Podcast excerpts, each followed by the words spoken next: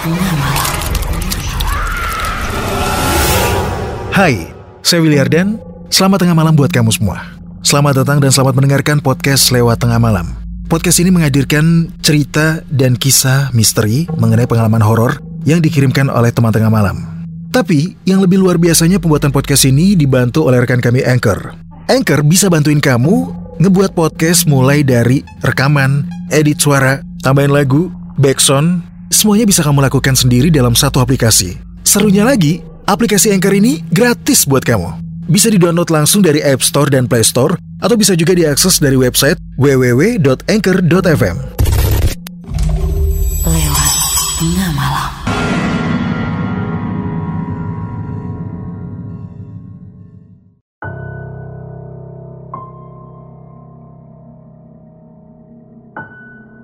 Selamat tengah malam, kamu lagi mendengarkan podcast lewat tengah malam bersama saya Willy Ardan. Anak indigo kerap diidentikan dengan kemampuannya untuk dapat melihat hal-hal gaib. Namun, ada ciri-ciri lainnya yang juga harus dipenuhi oleh seseorang sebelum mendapatkan label anak spesial tersebut. Penyebutan anak indigo sendiri berasal dari warna aura yang terpancar dari diri anak tersebut, yakni warna indigo alias biru keunguan. Nah, teman tengah malam, selamat mendengarkan episode 69 Rahasia Indigo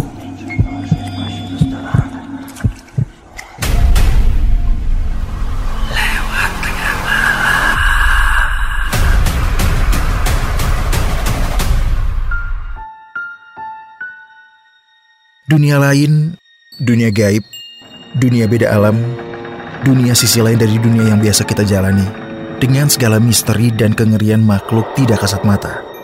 Entahlah, menurutku mereka untuk sekarang ini tidak begitu menyeramkan. Oh ya, panggil aku Eko. Aku seorang anak indigo.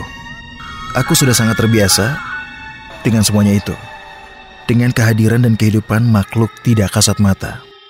Mereka ada di sekitar kita tanpa kamu sadari. Aku mulai memahami dan mengetahui mereka.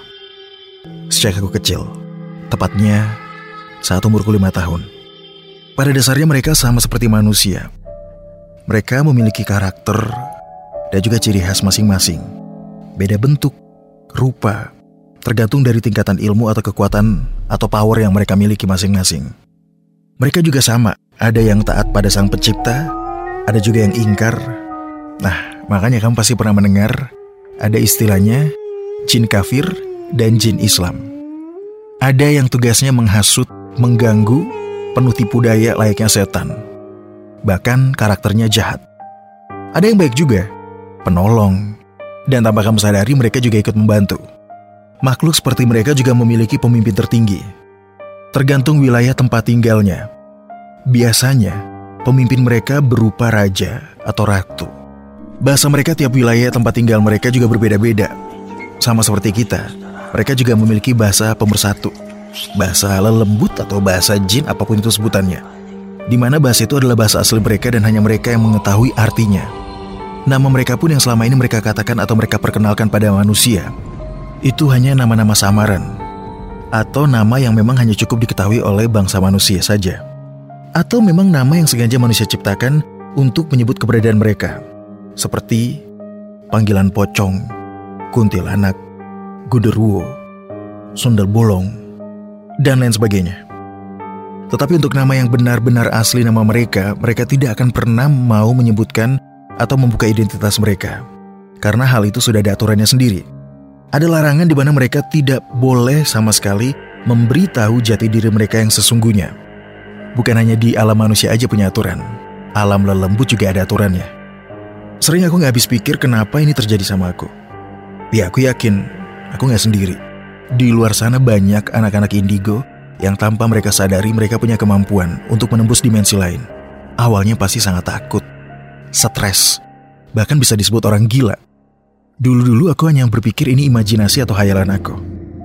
Karena sebelum aku melatih kemampuanku, aku bahkan sama sekali nggak bisa membedakan mana imajinasi dan mana reality.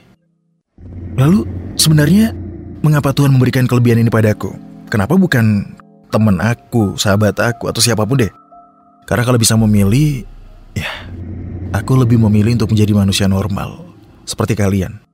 Tidak melihat hal-hal yang mengerikan.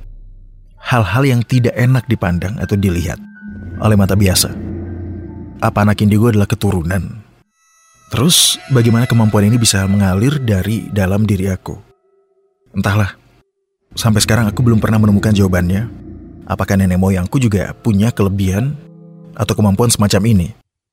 Oh ya, aku paling jarang menceritakan rahasia-rahasia alam gaib kepada temanku atau orang-orang di sekitar aku. Aku lebih menyimpannya dan menjadi rahasiaku.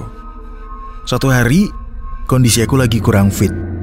Ada perasaan yang gak enak yang beberapa hari ini aku rasakan, semacam firasat atau sesuatu entahlah yang muncul dan datang menghampiri aku.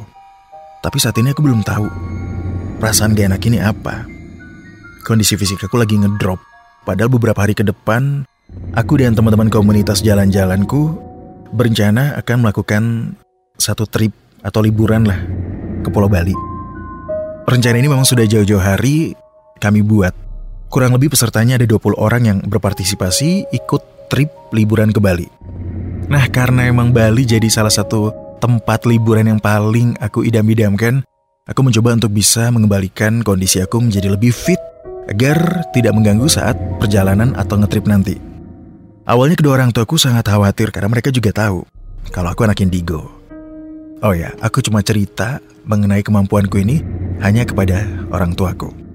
Buat teman tengah malam yang punya pengalaman horor, biar cerita kamu bisa muncul di podcast lewat tengah malam, kirim cerita kamu lewat email di willyardan13 at gmail.com.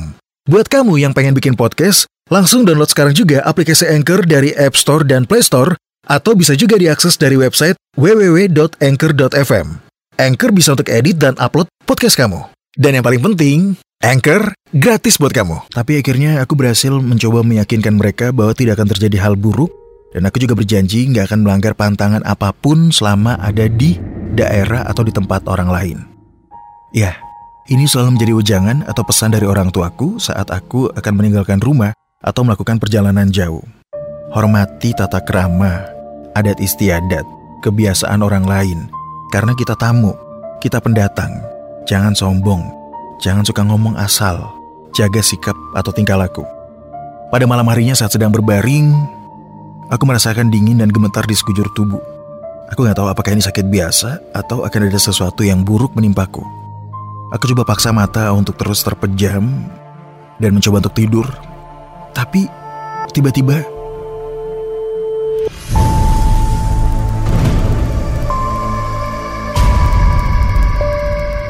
seperti ada yang membelai rambutku. Aku terbangun dan terkejut. Saat mataku terbuka, Aku sudah tidak berada dalam raga, tetapi aku melayang di udara. Nah, mungkin sebagian orang menyebutnya raga sukma atau proses keluarnya roh dari tubuh. Ada juga yang bilang fenomena roh keluar dari tubuh disebut astral projection. Aku merasakan tubuh aku ringan melayang di udara dan aku melihat dengan jelas tubuhku sedang tertidur. Kemudian aku mengawasi dan memperhatikan lingkungan sekitar. Dan aku melihat sosok wanita berwarna ungu, kakek tua, wanita merah, dan ada juga sosok bocah kecil. Mereka sudah berkumpul mengelilingi aku. Tiba-tiba ada suara serak. Suara seorang kakek-kakek berkata, Ada yang perlu kita bicarakan kepadamu nak. Aku mencoba menenangkan diri, terdiam sejenak, sedikit terkejut. Tapi yang aku rasakan tubuhku sama sekali tidak merasakan sakit apa pun. Lalu aku perhatikan tatapan mereka satu persatu. Oh iya, kalau kamu tanya bagaimana cara aku berkomunikasi dengan mereka, kita berkomunikasi dengan pikiran dan hati. Karena saat frekuensi kita sama atau satu, maka aku dan juga sosok astral bisa melakukan komunikasi. Seperti layaknya manusia dengan manusia. Aku memperhatikan tatapan mereka. Sepertinya ada sesuatu yang sangat serius yang ingin mereka bicarakan. Ada apa, kek? Ini ada apa sebenarnya? Ada hal yang sangat penting Kemudian mereka pun menjelaskan satu persatu. Kamu sudah dibuntuti oleh sesosok makhluk. Makhluk ini menguasai pulau atau tempat yang akan kamu datangi. Berita kedatangan kamu sudah terdengar sampai ke sana. Hah? Bagaimana bisa? Kan belum liburan, belum ke sana. Baru rencana. Belum melakukan perjalanan ke sana. Ini juga baru akan dilakukan beberapa hari ke depan, masih sangat lama. Bagaimana bisa mereka sudah tahu akan hal itu? Ya, saat itu aku keheranan.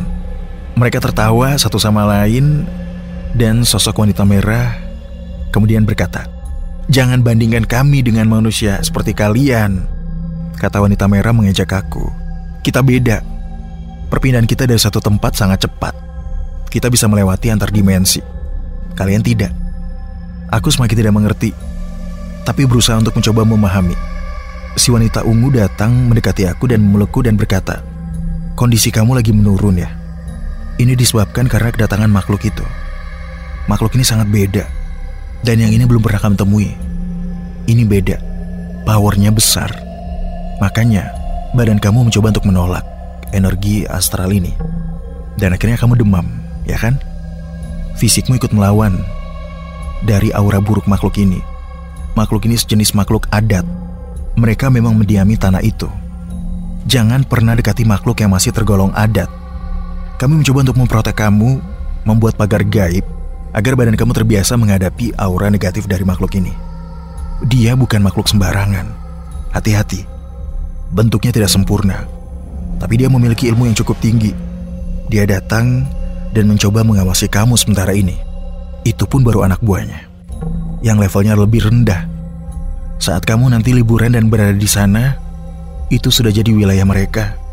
Kami tidak punya kuasa untuk menemani kamu atau menjaga kamu, karena itu bukan wilayah kami. Kami tidak dapat sembarangan masuk ke wilayah mereka. Mendengar itu aku shock dan hanya bisa diam. Tapi si kakek mencoba untuk menenangkan aku. Dia bilang, nanti si wanita ungu yang akan menemani aku. Tetapi dia hanya bisa dari jarak jauh, tidak terlalu dekat. Muncul perasaan khawatir dalam diri aku apakah aku akan tetap melanjutkan liburan ini atau lebih memilih tetap di rumah.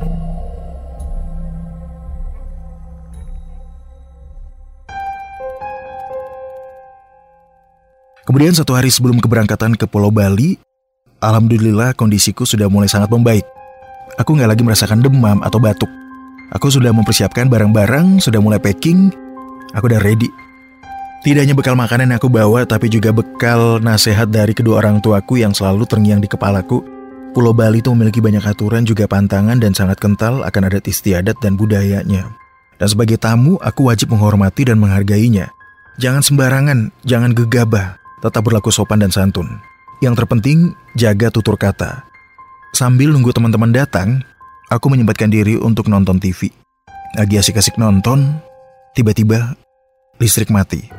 Mendadak ruangan menjadi gelap. Sangat sulit untuk melihat sekeliling. Keadaan menjadi sangat hening. Terdengar jelas suara saat aku menelan ludah. Kemudian aku mencoba memanggil kedua orang tuaku berulang kali, tetapi tidak ada jawaban. Aku mulai panik, timbul rasa takut. Tidak lama kemudian aku merasa ada yang mengawasi dari belakang. Dan aku perlahan membalikkan badan, lalu aku terkejut karena tepat di depan wajahku. Sesosok makhluk berwajah mengerikan menghampiriku. Seketika badanku lemas, nafasku tidak beraturan. Aku hanya bisa terdiam mematung. Makhluk itu melotot